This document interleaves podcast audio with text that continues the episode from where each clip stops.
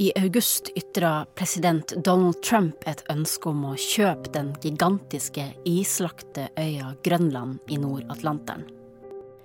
Planen ble ikke tatt godt imot av danske myndigheter, som har ansvaret for Grønlands utenriks- og forsvarspolitikk. Den danske statsministeren Mette Fredriksen omtalte Trumps plan som absurd.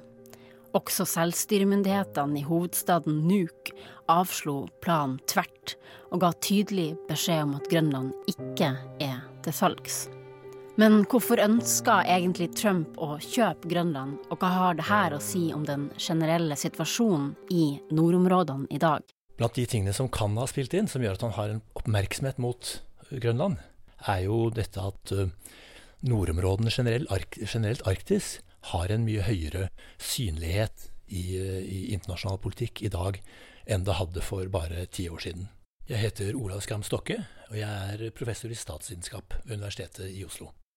Det er den internasjonale politiske utviklinga det siste tiåret som har ført til den økte synligheten. Blant annet valgte Russland i 2007 å plante et flagg på havbunnen under isen på Nordpolen, en symbolsk handling som skulle vise at Russland la ned krav på eventuelle olje- og gassressurser i nordområdene. Det er anslått at 13% av verdens uoppdagede oljeressurser og 30% av verdens uoppdagede gassressurser befinner seg under isen i Arktis. Derfor ligger det sterke interesser i å oppnå økt kontroll over disse områdene. I tillegg har Grønland vært strategisk viktig for USA over mange tiår.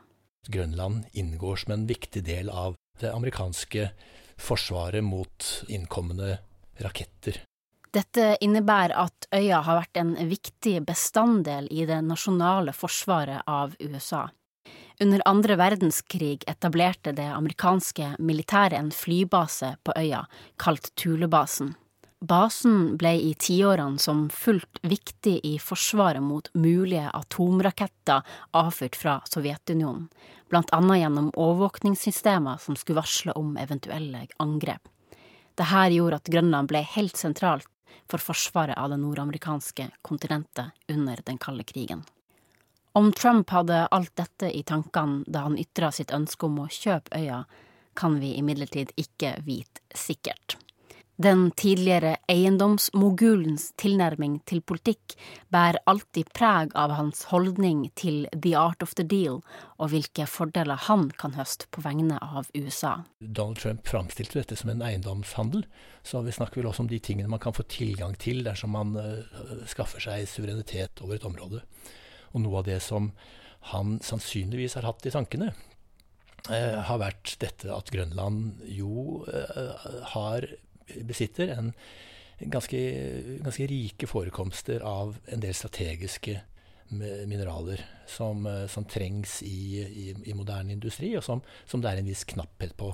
Eh, og en knapphet som uh, i dag i dagens markeder på mange av disse metallene som inngår i elektronikkproduksjon og batteriproduksjon og en rekke sånne ting, uh, hvor, hvor, i dag Kina har en veldig sterk uh, posisjon. Så dette er nok sånne små biter som Trump kan ha kommet under været om, og så har skapt dette utspillet som sikkert voldte både hans rådgivere og omgivelser ellers ganske mye hodebry. For det var jo en svært udiplomatisk og også åpenbart uvennlig eh, ting å komme slå frampå om like før man skal ha et møte mellom regjeringslederne mellom Danmark og, og USA. Trump klarte altså å tråkke myndighetene i København ordentlig på tærne. Forekomsten av verdifulle mineraler er imidlertid reell, og dette vet myndighetene i Beijing. Kineserne har investert i infrastruktur, forskning og gruvedrift på Grønland. I disse gruvene er det forekomster av sjeldne mineraler som er svært verdifulle i moderne industriell produksjon, deriblant av batterier til elektriske biler, slik Olav Skram Stokke påpeker. Kina er jo, som alle vet nå, en global eh, stormakt. Altså en, en, en, stat som har ambisjoner over hele verden, ønsker et, en tilstedeværelse, ser det som naturlig å ha en tilstedeværelse over hele verden. Dette innbefatter også, også Arktis. Kina omtaler seg sjøl som en nærarktisk stat, til tross for at Fastlandskina geografisk sett er langt unna Arktis. For å oppnå sterkere innflytelse i området har Kina jobba for å få observatørstatus i Arktisk råd, noe det oppnådde i 2013. Rådet, som ble oppretta i den fredelige perioden på 90-tallet, er et samarbeidsorgan mellom de arktiske kyststatene, deriblant USA, Russland og Norge. Arktisk råd ble oppretta for å finne løsninger på felles utfordringer i Arktis, blant annet knytta til klimautfordringer og urbefolkninga i området. Politikken i området er i dag imidlertid ikke bare prega av samarbeid. Nordområdene påvirkes mye av de øvrige relasjonene mellom stormaktene i Arktis, som er Russland og, og USA. Og, og, det er jo ingen tvil om at dårligere forholdet mellom Russland og USA At dette har, dette har påvirket også relasjonene i Arktis negativt. Forholdet mellom USA og Russland har endra seg til det verre det siste tiåret.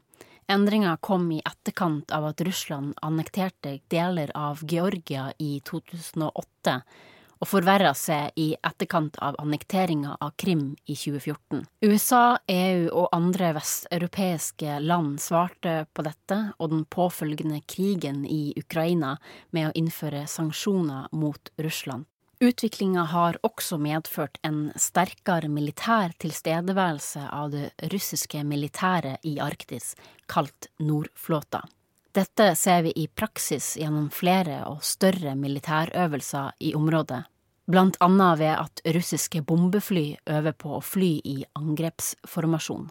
Kreml har også gjenåpna en rekke militære baser langs den nordlige kysten mot Arktis. Det man må ha som bakteppe her, er at Nordflåten er Russlands viktigste flåte. Det er der de har hatt sin største militære slagkraft. Og litt av bakgrunnen for det er at dette er et sted hvor, hvor man har isfrie havner og en god tilgang til, til Atlanterhavet. Og i den tiden, den, den, kalde krigen, da rivaliseringen mellom Sovjetunionen og USA var det som definerte strategiske grep og utfordringer i verden i det hele tatt, så, så spilte nordområdene derfor en veldig, veldig, veldig sentral rolle. Sovjetunionen den gangen utviklet det de kaller for et eh, bastionforsvar, som innebærer en evne til å ha en tilstedeværelse i et utvidet område rundt Kolaløya, Murmansk. Samarbeidet er imidlertid ikke helt borte fra Arktisk råd. I en tid der konfliktnivået øker og Russland og USA forsterker sin militære tilstedeværelse i området, kan et slikt samarbeidsorgan bli viktigere, påpeker Olav Skram Stokke. Det man skal holde veldig tydelig for seg, det er at uh, oppgaven til sånne institusjoner som Arktisk råd, uh, Barentsregionen, uh, disse, disse, internasjonale samarbeidsordningene man har satt opp i denne, disse tøværsperioden etter den kalde krigen på tidlig 90-tall og gjennom 90-årene. 90 en hovedoppgave disse institusjonene har, er jo å, å holde relasjonene i gang på et, uh, mellom, mellom, praktikere på, uh, på, på, hver side. Altså de som jobber i, i uh, administrasjon, byråkrater, representanter for sektor, departementer, forskere at denne, den typen forbindelser skal fortsette også i perioder hvor, hvor, det er vanskelig, hvor det er kjølige forhold, vanskelige forhold mellom, mellom, de statene som har et eller annet eh, felles interesse i dette området. Og Det er jo ingen tvil om at, eh, at de arktiske statene har store felles interesser, også i perioder hvor de er Uh, hvor de er, uh, ser på hverandre med, med, med, voksende skepsis generelt sett. Norge og Russland har jo et veldig langvarig og dypt og svært viktig samarbeid på fiskeriområdet. Etablert under den kalde krigen og fungerte bra også den gangen. Blitt ytterligere styrket i perioden etter den kalde krigen. Og det er klart at denne institusjonen, denne blande norsk-russiske fiskerikommisjonen, dette at den er et møteplass for forskere og forvaltere på hver side, eh, gir muligheter for kontrollsamarbeid, felles reguleringer og sånt noe, kjempeviktig, helt uavhengig av at det pågår en, en krig i Ukraina. Så, så den typen, den typen opp, oppgaver og funksjoner som institusjoner har, er jo, er jo, en viktig del av det er å skjerme eh, nødvendig og viktig samarbeidsaktivitet for den typen politisk uenighet som, som gjelder på et mer overordnet nivå.